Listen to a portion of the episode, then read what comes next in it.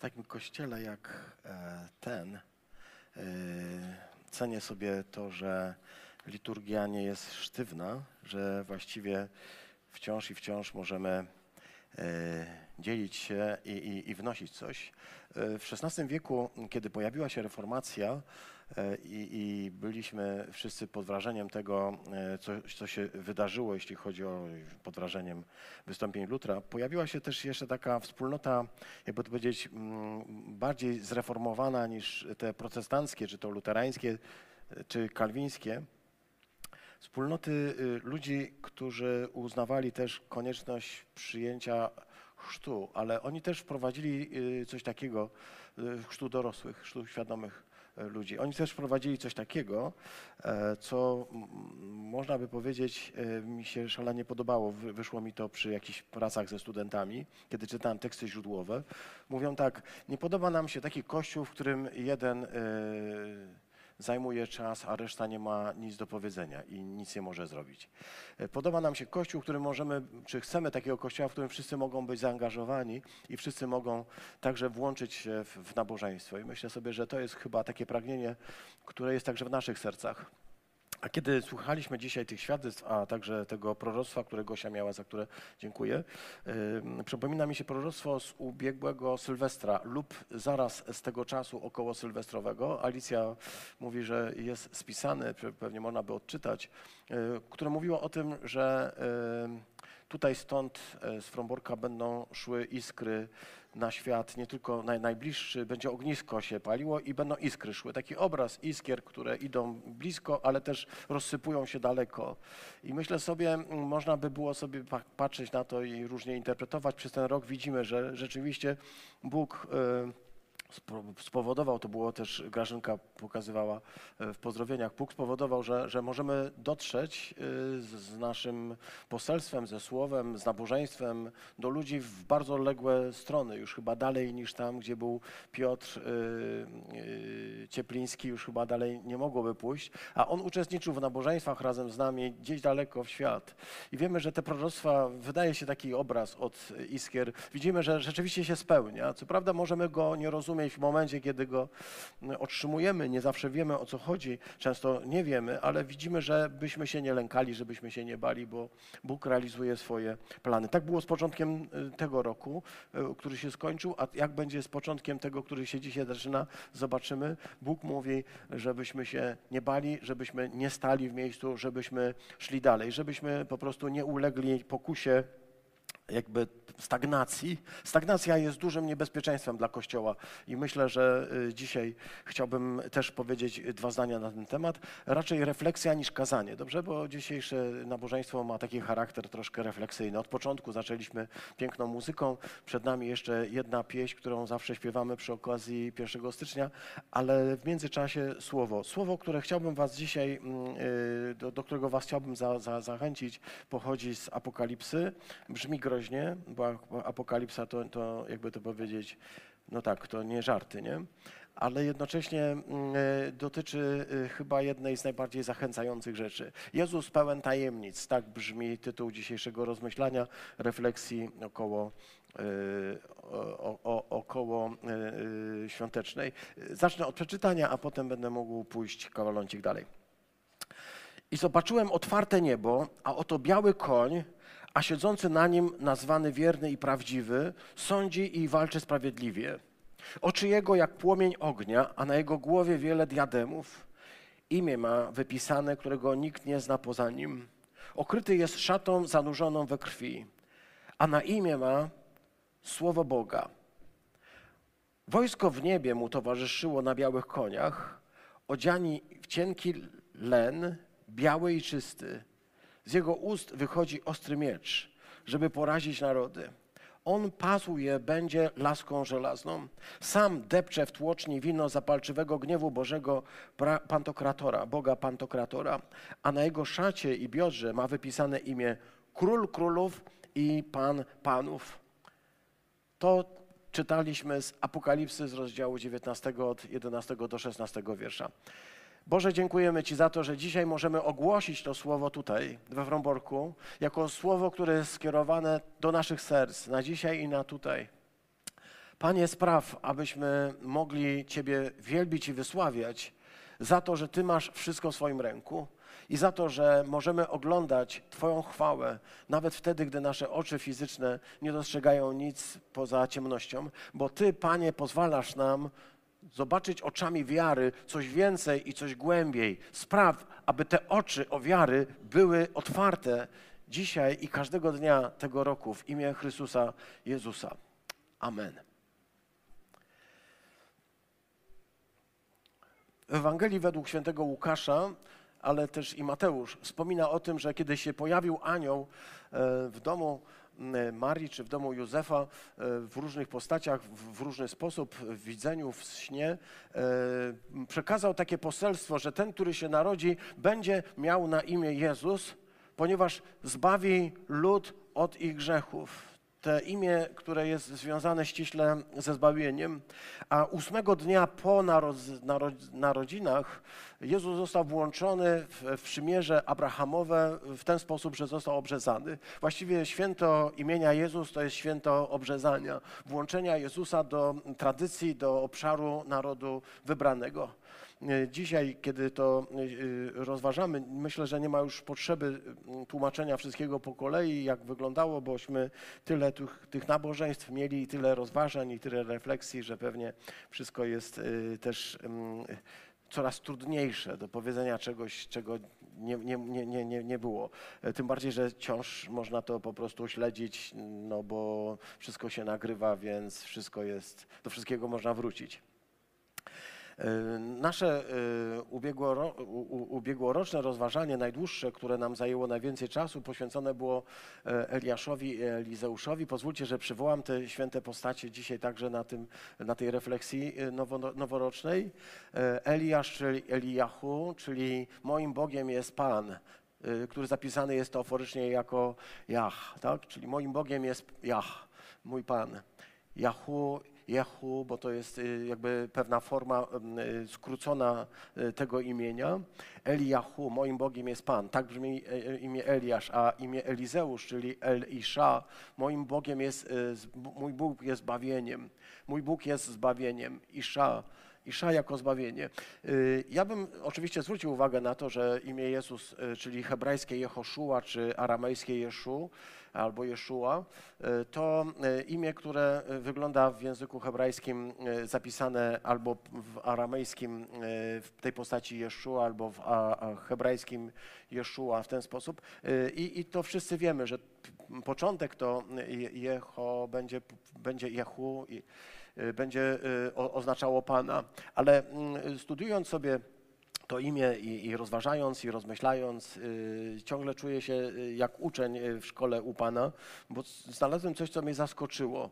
Mianowicie końcówka Szua, y, y, możemy traktować tę końcówkę w dwójnasób. Albo będzie to Isza, tak, jak tutaj przy Eliaszu, ale też uczeni zwracają uwagę, że może to być Jehu Szua tak jak tu by to brzmiało. A wtedy to imię zawiera w sobie nie tyle informację, że Bóg jest Twoim zbawieniem i że Bóg jest w ogóle zbawicielem, to bardzo ważne. Zbawicielem, czyli tym, który przychodzi z pomocą, ale jest to raczej okrzyk kobiety rodzącej, która była Panie ratuj. Czyli Jehu Szua, Panie ratuj. W imieniu Jezus jest więc mm, modlitwa zawarta. Nie tylko, bo myślę, że nie jest y, niepoprawne powiedzieć, że w imieniu Jezus jest informacja o tym, że Bóg jest Zbawicielem. To bardzo ważna informacja. Ale pomyśl sobie, pomyśl sobie przez chwilkę, że w tym imieniu już jest zawarta modlitwa, która jest wielkim wołaniem do Pana Boga o pomoc, o ratunek.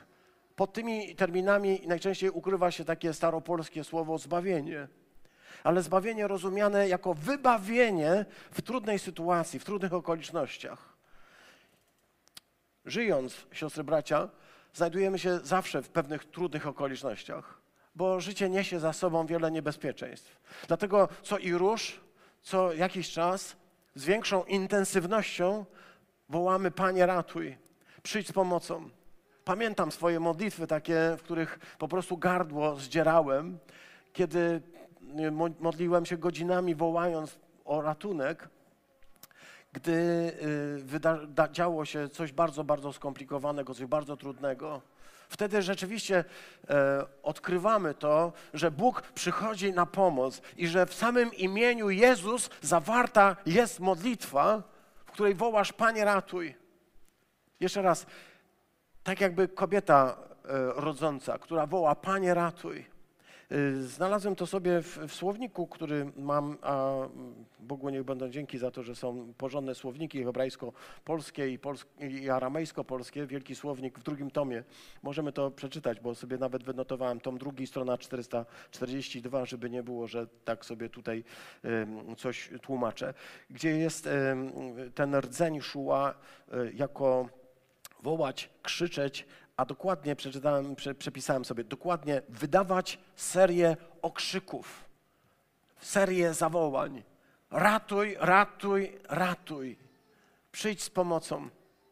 Chcę powiedzieć, że to wołać, krzyczeć, które się pojawia tutaj w imieniu Chrystus, w imieniu Jezus, konkretnie w imieniu Je- Jezus, a w, e, w związku z naszą, e, z naszym Panem Chrystusem, e, to jest coś, co się chyba często pojawia. Często możemy znaleźć to zawołanie y, w księdze Hioba, możemy znaleźć oczywiście w trenach, możemy znaleźć w psalmach, możemy znaleźć u proroków.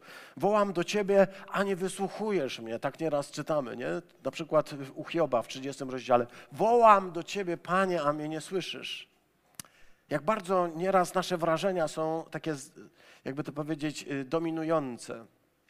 Mam takie wrażenie, y, nieraz odnoszę takie wrażenie, że moje modlitwy idą w taką pustkę, że ja wołam, a Bóg tego nie słyszy. Bóg nie wsłuchuje się w moje wołanie. Może miałeś takie y, wrażenie, może także w tym roku. Chcę Ci powiedzieć, że w imieniu Jezus jest zawarta ta nadzieja, której może inni nie mają, że Bóg Ciebie słyszy. Bóg słyszy Twoją modlitwę i Twoje wołanie, nawet jeśli Ty masz wrażenie, nawet jeśli wołasz w wielkim zgromadzeniu i nie widzisz odpowiedzi na tę modlitwę. W trenach możemy mówić, choć wołam i krzyczę, mam wrażenie, że zatkałeś swoje uszy i nie słyszysz. Moje wrażenia. Mówi księga Habakuka, dokąd będę wołać, a Ty nie będziesz słyszał. Wiemy, że cała historia Izraela i jego wyjście zaczyna się od wołania. Izrael wołał do Pana z powodu wielkiej y, niewoli, jaka spotkała, i Bóg wyprowadził y, Izraela z niewoli. Stało się to dlatego, że Izrael wołał. Dzisiaj inaugurujemy nowy rok, ale jednocześnie nowy czas modlitw e, jeden o drugiego. Ten czas, który przygotowywała grupa modlitewna, przygotowywała Alicja. Ten czas bardzo ważny, ponieważ wiemy, że to nie od em, naszych pomysłów, naszych idei zaczynają się fantastyczne rzeczy, tylko od wołania. Jeśli możemy powiedzieć, coś się ma zmienić w okolicach naszego życia, w naszym mieście, w naszej pracy, w naszym domu, jeżeli coś się może zmienić, to zmieni się tylko wtedy, gdy będziemy wołać, gdy będziemy prosić, bez względu na to, czy będziemy mogli widzieć efekt od razu, czy nie. Będę wołał, będę krzyczał, będę prosił, aż wreszcie zobaczę to, co robisz. Panie, Y, Dobrze, to jeśli chodzi o to imię, ono mnie po prostu e, zafascynowało, to, to, to odkrycie, że tutaj jest właściwie nie tyle Pan jest zbawieniem, co Panie ratuj, to jest troszkę inne wyjaśnienie. Po iluś tam 10, 30 latach człowiek dochodzi ciągle do, do podstawowych rzeczy w podstawowych kwestiach. I to jest fajne. Mam nadzieję, że Was to też fascynuje i że też możecie dostrzegać coś, coś e, pięknego w tym. Yy, Tak, bo e, gdy w liście do Rzymian Paweł w dziesiątym rozdziale e, pisze o zbawieniu, to mówi tak: Kto wezwie, czyli kto będzie krzyczał, kto będzie wołał, kto wz- wzywać będzie imienia Pańskiego, ten będzie uratowany. Dlatego to wołać imienia Pańskiego ym, rzeczywiście y, z tego, co czytam tutaj, ym, rzeczywiście brzmi, brzmi lepiej. Nie tylko, że Bóg jest Zbawicielem, to jest fantastyczne, że Bóg daje nam zbawienie, to jest bomba, to jest w ogóle absolutnie fenomenalne, ale że my w tym imieniu wołamy do Pana.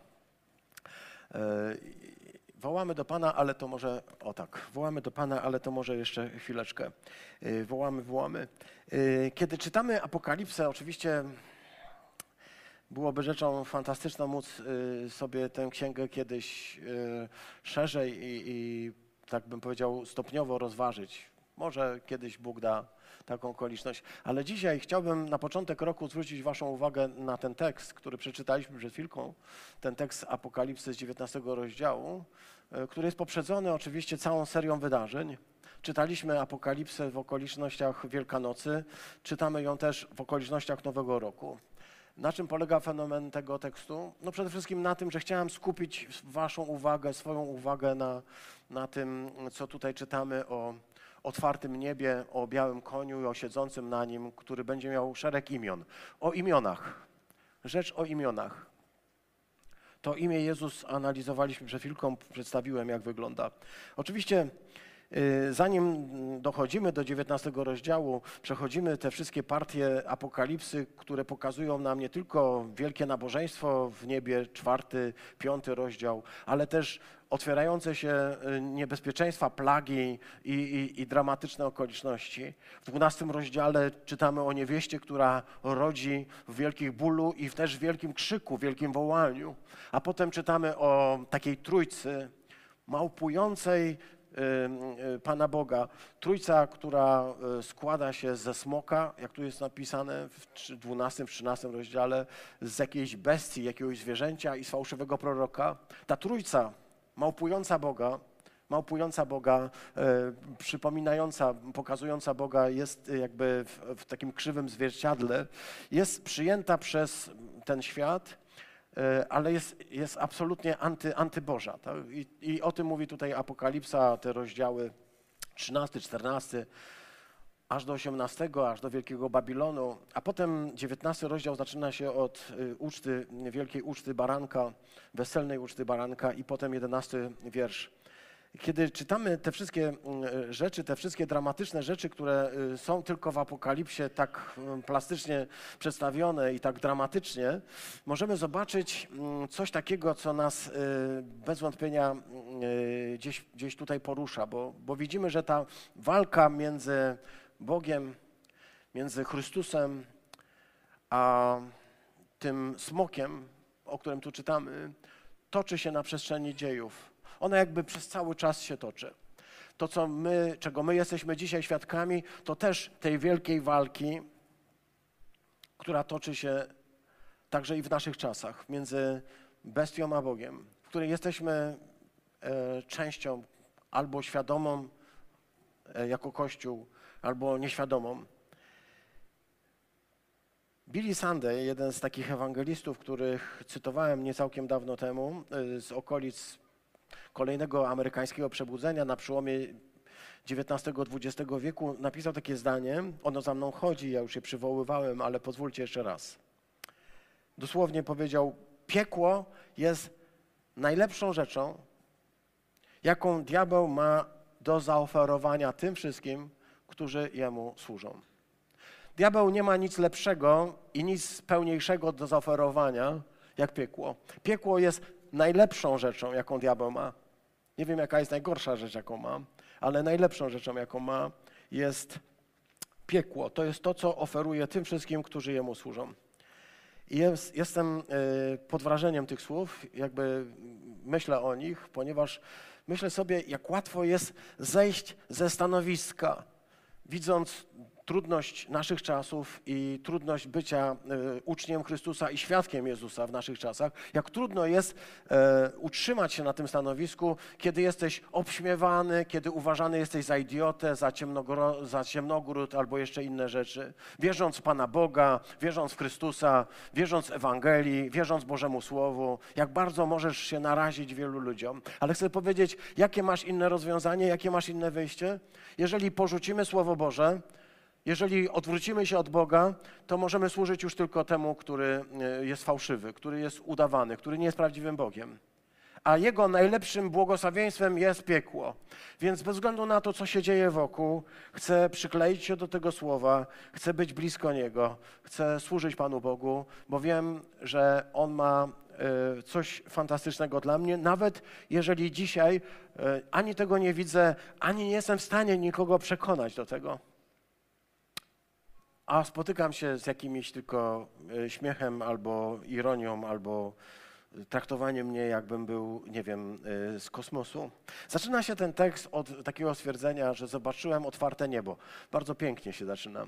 Zobaczyłem otwarte niebo. To już jest po raz kolejny, kiedy Jan widzi otwarte niebo, ale poprzednio, kiedy zaczyna się ta jego wizja apokalipsie, to on widzi otwarte drzwi do nieba. A teraz już widzi nie tylko otwarte drzwi, ale widzi otwarte niebo. I chciałbym, żebyśmy mogli też zobaczyć to otwarte niebo, ponieważ w nim jest coś wyjątkowego. To otwarte niebo jest jednocześnie miejscem, e, z którego wychodzi biały koń, a siedzący na nim ma imię. To imię brzmi wierny i prawdziwy. Chcę podziękować Panu Bogu za te Jego imiona, w których zawarte są te wszystkie idee, o których mówimy. Jezus, imię, w którym wołamy Panie ratuj, imię, w którym możemy zobaczyć, że Bóg jest naszym ratunkiem, jest naszą pomocą, jest naszym Zbawicielem. Ale to jest tylko jedno z wielu imion, ponieważ kolejny tytuł, jaki tutaj mamy, kolejny, jakim jest nazwany Jezus Chrystus, siedzący na białym koniu, to wierny i prawdziwy. Ten biały koń, o którym tutaj czytamy, to y, oczywiście taki starożytny symbol zwycięstwa, bo w Rzymie e, triumf e, cesarzy, triumf e, imperatorów odbywał się na rydwanie zaprzężonym w białe konie. Te białe konie były zawsze symbolem triumfu. One ciągnęły rydwan, na którym siedział czy stał e, dowódca, który miał prawo do i, i, imperium, do tego, żeby zostać ogłaszany imperatorem. Największy honor, jaki mógł spotkać, tak, rzymskiego dowódcę, kiedy mógł wkroczyć na tym rydwanie zaprzężonym w białe konie do Rzymu. Że wszyscy bili brawo i mówili, wow, to jest największy honor, jaki mógł sobie wyobrazić Rzymianin. W tym duchu i w tym kluczu jest e, opisany ten tekst, żeby chrześcijanin żyjący w tamtych czasach wiedział, że oto do, e, e, wjeżdża do, do, w ten świat wjeżdża triumfator. Ten, który rzeczywiście pokonał nieprzyjaciela. Możemy powiedzieć, jego życie zostało przerwane w momencie, kiedy wjeżdżał jako Mesjasz pokoju na osiołku. W tym momencie jego życie zostało przerwane, został porwany, został uwięziony, został ukrzyżowany i teraz jakby ta historia dalej idzie. Już nie na osiołku, ale na białym koniu, jako imperator wkracza w ten świat. Otwarte niebo, biały koń, symbol triumfu. Słuchajcie, ten tekst był napisany w dramatycznych okolicznościach. Apokalipsa jest napisana w sytuacji, kiedy Jan był na zesłaniu, kiedy Kościół był prześladowany. Apokalipsa nie jest napisana przez jakiegoś filozofa, który siedzi i myśli, jak będzie na końcu świata. E, Apokalipsa jest napisana przez człowieka, który, któremu się wydaje, że koniec jest już absolutnie bliski, który nawet powie, że już widzi nogi przychodzącego Mesjasza, ale jednocześnie jest to człowiek, który jest u kresu dziejów. Jest przekonany. Człowiek, który żyje w okresie wyjątkowych trudności. Człowiek, który jest prześladowany. Kościół, który jest prześladowany. W tych czasach jest pisana apokalipsa. Więc jaki jest cel tej apokalipsy? Prosty. Podnieść na duchu. Apokalipsa jest taką jakby sienkiewiczowską wersją ku pokrzepieniu serc. Apokalipsa jest napisana po to, żeby pokazać, że wróg rzeczywiście mm, sroży się i mnożą się jego rogi, mnożą się jego postaci coraz więcej i więcej. Wydaje się coraz mocniejszy i potężniejszy. Ale jednocześnie y, człowiek, który czyta tę księgę w starożytności, człowiek, który czyta pod prześladowaniami, zaczyna dostrzegać, że tutaj jest mowa o tym, który ostatecznie odnosi zwycięstwo. Jest to historia o tym, że wszystkie doświadczenia, które przechodzisz, mają swój kres, znajdą swój kres.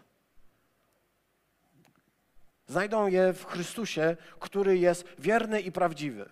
Jest to jakby e, odwrotność tego wszystkiego, co czytaliśmy wcześniej w tych smokach, bestiach, zwierzętach i fałszywych prorokach. Oni są wszyscy fałszywi. Oni są wszyscy nieprawdziwi.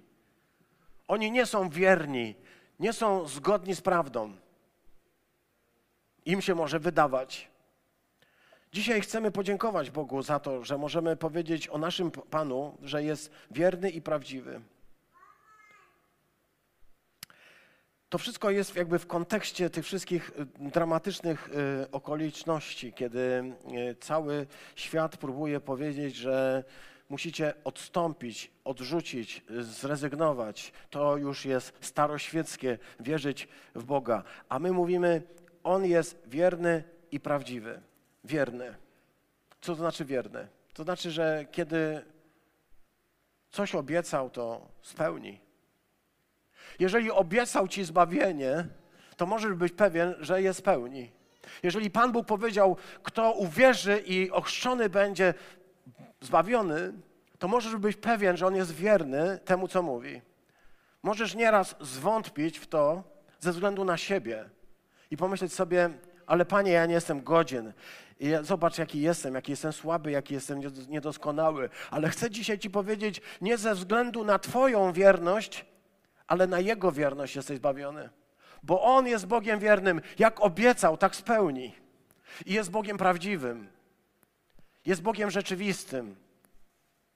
Ci fałszywi bogowie, te fałszywe słowa, te fałszywe próby powiedzenia o jakiejś pewności, o jakimś bezpieczeństwie, one ostatecznie zawsze okazują się nie, niepewne i niepełne.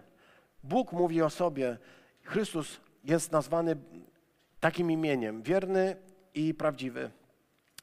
Nie porzuci cię, ani cię nie opuści. Będzie z tobą zawsze, tak jak obiecał. Czy czujesz, czy nie czujesz? Czy jest ci fajniej, czy mniej fajniej? Chcę ci powiedzieć, on jest, był i będzie.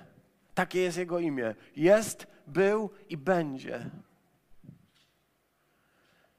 Jeśli doświadczasz cierpienia, czujesz się dzisiaj zagubiony, jeśli grunt usuwa ci się spod nóg, jeśli nie możesz liczyć nawet na najbliższych, jeżeli masz wrażenie, że wszystko idzie nie tak i że wszystko jest nie tak, jak powinno być, chcę Ci powiedzieć: stań na tym gruncie, którym jest Słowo, i uwierz temu, co jest niewidoczne dla oczu. Uwierz, że Jezus jest wierny i prawdziwy. Jeśli mu zaufasz, to choćby cały świat się trząsł i, i, i walił, on jest wierny i prawdziwy. I pomyśl sobie o Abrahamie, który otrzymał obietnicę ziemi, otrzymał obietnicę syna, otrzymał obietnicę potomstwa i Bóg to spełnił. To prawda, że zajęło to jakieś 25 lat. To prawda, że nie wydarzyło się to na pstryknięcie palców. To prawda, że to nie była złota rybka. Nasz Bóg jest wierny i prawdziwy. W swoim czasie, we właściwy sposób wypełni wszystko, co Ci obiecał. Wszystko, co Ci obiecał, da Ci i jeszcze więcej. O tym dzisiaj chcę mówić jeszcze. I jeszcze więcej. Tu jest powiedziane dalej, on walczy i sądzi sprawiedliwie. Sprawiedliwość jest jedną z najcenniejszych e, cech czy, czy naj, najcenniejszych mm, zasad w życiu moralnym yy, społeczeństwa. Chcemy, żeby w naszym świecie była sprawiedliwość i jednocześnie wiemy, jak bardzo jest to mgliste, jak wciąż nie ma sprawiedliwości, jak jakaś grupka ludzi, jakiś procent ludzi ma wszystko, co potrzebuje i więcej, i nieskończenie więcej, i jak bardzo ci, którzy są w tej zdecydowanej mniejszości, nie mają nieraz na to, żeby zapłacić za podstawowe rzeczy, że, że to nie jest sprawiedliwe. Chcemy natomiast powiedzieć, że On, zobacz, sądzi i walczy sprawiedliwie walczy sprawiedliwie. Wiemy, że to jest pewna cecha y, y, dobrego wojownika. Jezus jest przedstawiony tu jako ten, który nie używa y, jakichś podstępów, nie jest fałszywy, walczy sprawiedliwie, walczy fair. Diabeł chwyta się wszystkich pułapek, zastawia sidła na Twoje stopy. Chrystus walczy fair i sądzi sprawiedliwie. On nie jest taki jak ci, którzy mogą nam przychodzić na myśl, e, którzy chcą za wszelką cenę, jak to w naszej polskiej komedii, powiedzieć sąd sądem, a sprawiedliwość musi być po naszej stronie. Centralna zasada Starego Testamentu sprawiedliwość. Szukajcie najpierw Królestwa Bożego i Jego sprawiedliwości. Sprawiedliwość Królestwa Bożego jest inna niż sprawiedliwość y, tego świata. Sprawiedliwość Królestwa Bożego dać każdemu to, co mu się należy i więcej. Być według zasady tym, który pierwszy okazuje życzliwość, tym, który przebacza. Y, to jest ten wyższy y, poziom, ten nie dla nas poziom logiki y, sprawiedliwości, który nam się nie mieści w głowie, kiedy Piotr pyta Jezusa, czy aż siedem razy mam przebaczyć, czy aż siedem razy, co jest dla niego dużo, a dla nas nieraz zbyt dużo. Możemy przebaczyć raz, drugi, trzeci, piąty, ale nie siedem. Aż 77. To jest ta logika, która przekracza.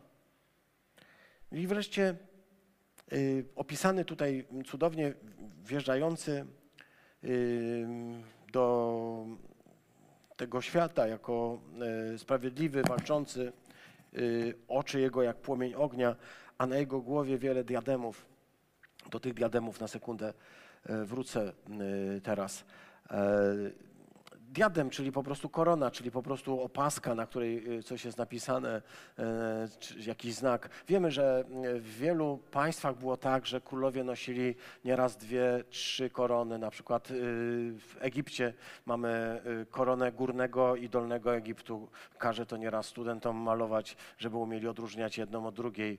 Białą od czerwonej, która jest górnego, która dolnego, bo to jest się nieraz plącze. Dwie korony. Faraon zakładał na głowę dwie korony, co miało oznaczać, że był panem dwóch królestw. Jest panem Królestwa e, Północnego i Królestwa Południowego, Górnego i Dolnego. Ale kiedy na przykład Ptolemeusz, e, Filomator wkracza do Antiochii, to zakłada jeszcze, poza tymi dwoma koronami, które ma, zakłada jeszcze koronę Azji. A jeśli zdobędzie następne państwo, to przejmie koronę od tego państwa i zakłada na swoją głowę. Po prostu trzeba mieć głowę, zakładać. Ale z drugiej strony popatrzcie się na tę koronę. Ta korona e, wzięta żywcem z, e, z e, o, słabo widać. Napis na niej, który tutaj jest słabo widoczny, świętość Jach, świętość Pana. Zakładał tę koronę na głowę arcykapłan. Na jego czole było napisane należy do Pana, jest świętością Pana. Takie korony, czytamy e, w niebie, mieli starcy, którzy w pewnym momencie e, zdejmowali je z głowy i rzucali przed Boży tron. Zdjąć koronę z głowy i rzucić pod nogi, pod stopy króla oznaczało co? Rezygnuję ze swojej władzy, rezygnuję z moich przywilejów, rezygnuję z moich królewskich praw i oddaję je Chrystusowi.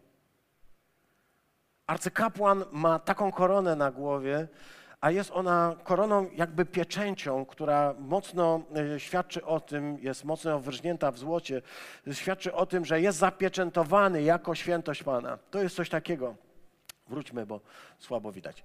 E, to jest coś takiego. E, wiele koron, które ma na głowie. Chcę się zapytać, czy ty też nosisz korony, które byś chciał ciągle zachować i myślisz o tym, że, że coś musisz e, jakąś swoją królewską godność nosić. Chrystus chce nałożyć na Twoją głowę koronę, ale dopiero wtedy, gdy przyjdzie na to czas.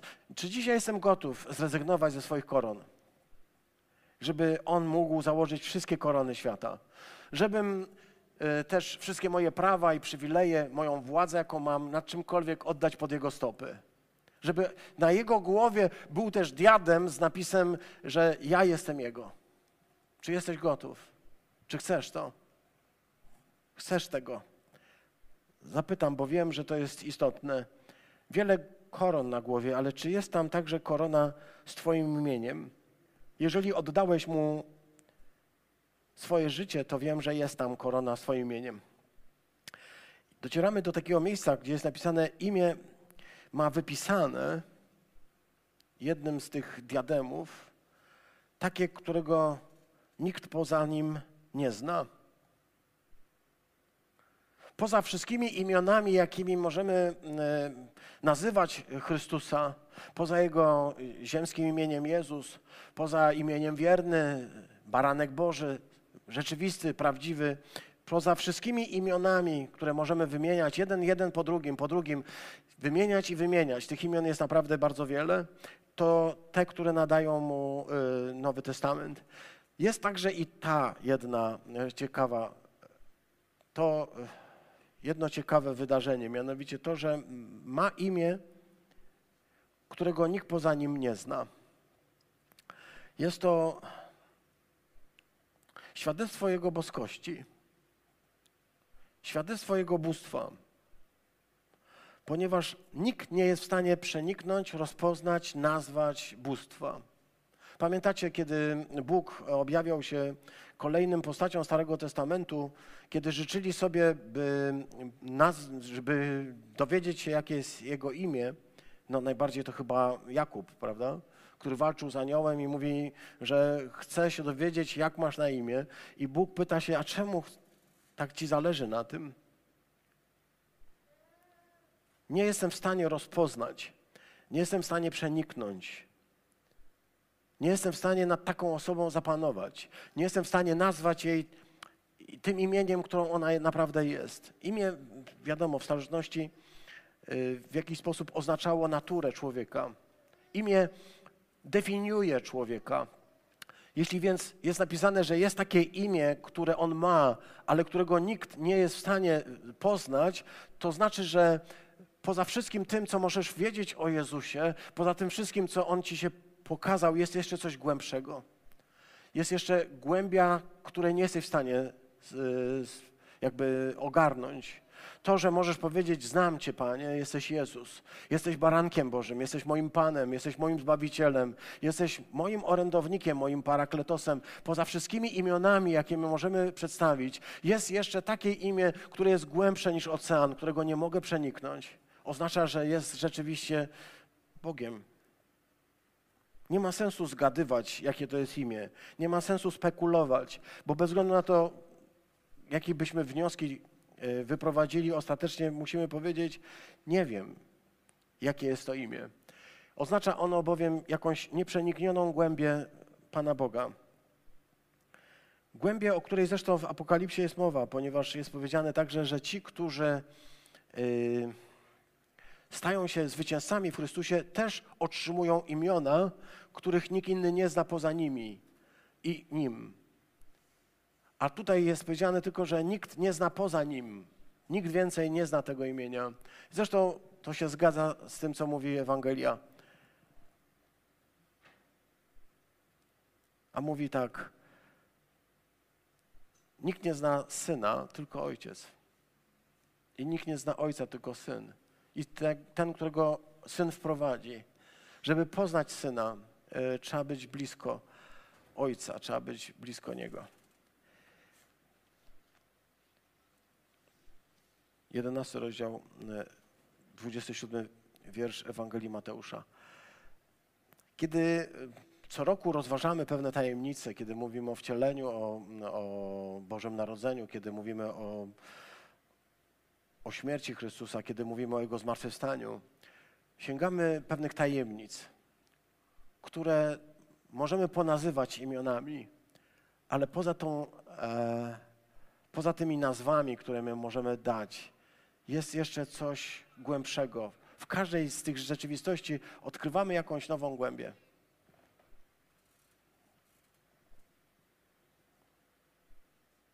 Czy dziwimy się, że nie da się odczytać tego imienia, że nie jesteśmy w stanie pojąć całej jego natury? Przecież nawet drugiego człowieka nie jesteśmy w stanie y, do końca zrozumieć, nawet samych siebie. Nie mamy świadomości do końca tego, jacy jesteśmy. W trudnych sytuacjach okazuje się często zaskoczeni. Mamy całą wieczność na to, by to imię zgłębiać. I myślę, że cała wieczność nie starczy na to, żeby ten ocean jego tożsamości zgłębić. Szata, która splamiona krwią. Y, tu czytamy o tej e, szacie zanurzonej we krwi i o tym imieniu, które rozważaliśmy na okoliczność Bożego Narodzenia, ponieważ y, czytamy też, że na imię ma słowo Boga, więc te imiona, y, wśród nich wierny, prawdziwy, to niewy, niewypowiedziane słowo, to niewypowiedziane imię, ale także to imię, które czytamy, słowo Boga. Y, słowo. Słowo to jest coś, co powoduje, że możemy odkryć nasze myśli. Kiedy zaczynamy mówić, odkrywamy to, co myślimy. Kiedy zaczynamy mówić, odsłaniamy stan naszego umysłu, nasze myśli, myśli naszego serca. Kiedy wypowiadamy słowa, zaczynamy konstruować zdania, wtedy możemy rozpoznać, co jest w naszym sercu tak naprawdę. Oczywiście, jeśli to robimy szczerze i mówimy szczerze. Jeśli szczerze wypowiadamy słowa, to ktoś może wreszcie zrozumieć, o co nam chodzi. Bardzo często mówimy, powiedz szczerze, co myślisz. W ten sposób nasze słowa formują jakby naszą postawę, odkrywają nasz sposób myślenia. To prawda? Nasze słowa pozwalają nam odkrywać słowo, to, co się w naszych sercach dzieje. Próbujemy nazwać słowami to, co jest w naszym sercu. Kiedy mówimy, że Jezus jest słowem Ojca, to w ten sposób docieramy do tej najgłębszej prawdy. Posłuchajcie. To, co Bóg naprawdę myśli, to, co Bóg ma najbardziej w sercu, odkrywamy dzięki Jego Słowu. Oczywiście dzięki Jego Słowom, dzięki Pismu, ale przede wszystkim dzięki Jego Słowu wcielonemu, dzięki Chrystusowi. Chrystus objawia, co tak naprawdę Bóg myśli o nas. Chrystus jest tym alfabetem Pana Boga, którym się z nami jakby kontaktuje. Nazwany jest alfą i omegą. Nazwany jest pierwszym i ostatnim. Nazwany jest wszystkimi i, i literami alfabetu, ponieważ jest tym, który odkrywa, co Bóg naprawdę myśli. Nie ma w nim zafałszowania. Nie jest tak, że on posyła swoje słowo, a myśli coś innego. Tak u nas bywa. Mówimy coś innego, a myślimy coś innego. Mamy w sercu jakąś zawiść, jakieś zło, a wypowiadamy miłe słowa. Ale u Boga tak nie jest.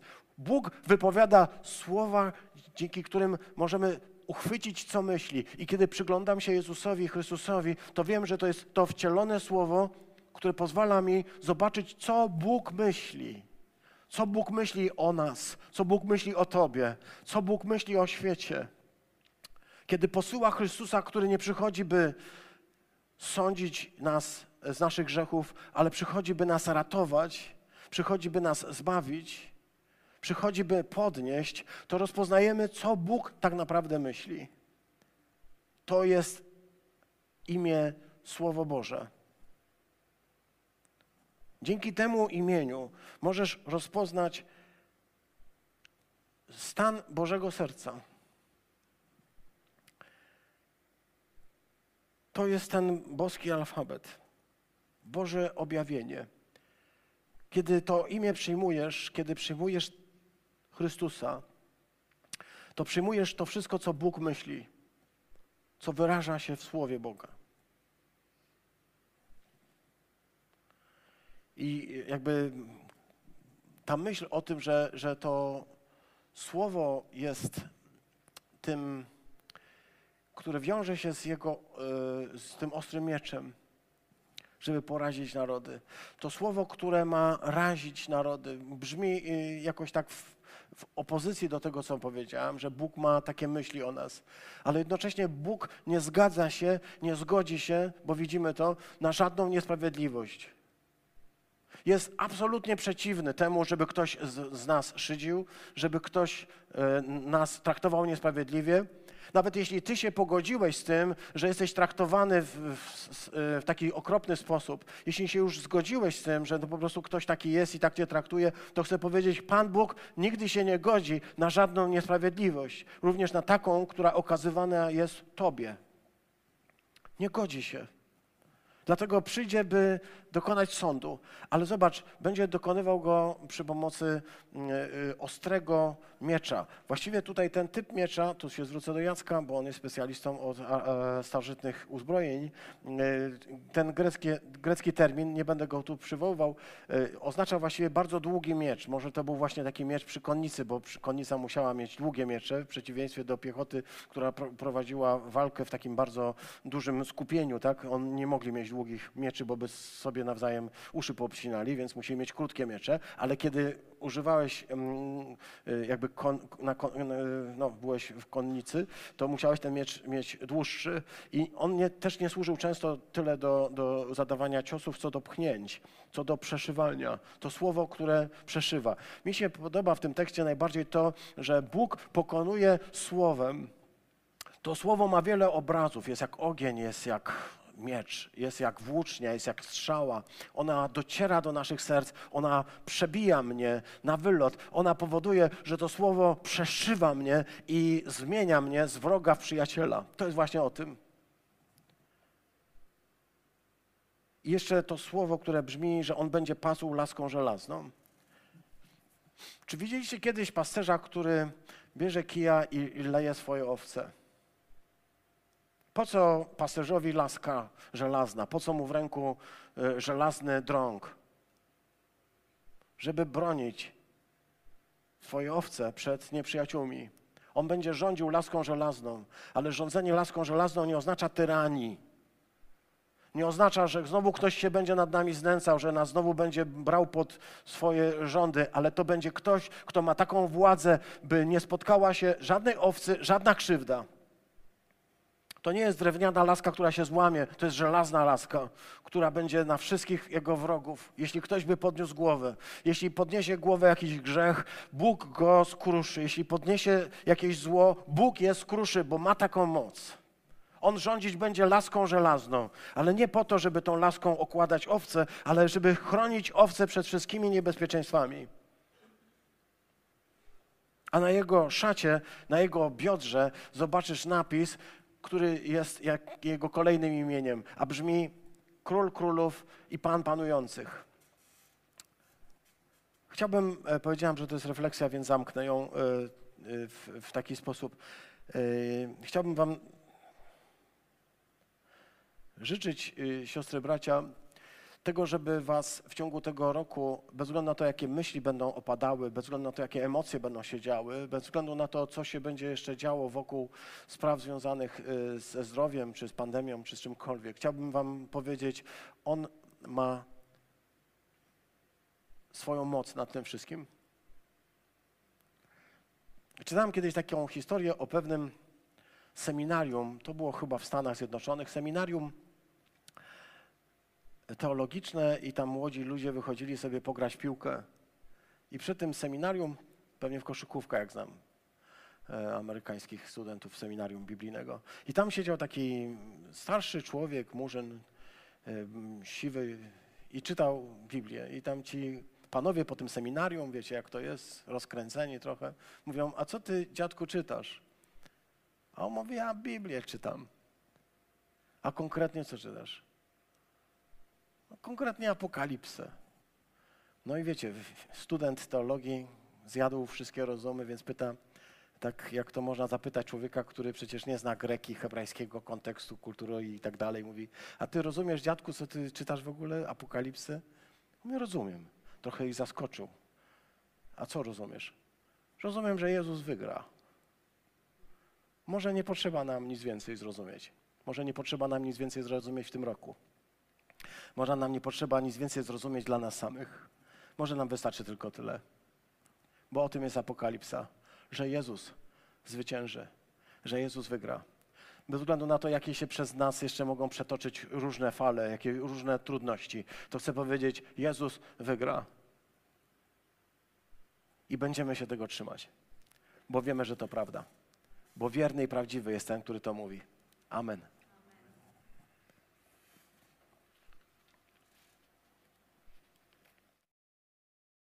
Ci podziękować za to, że możemy rozpocząć ten rok i w spokoju, i we wspólnocie. Podziękować Ci za to, że dzisiaj możemy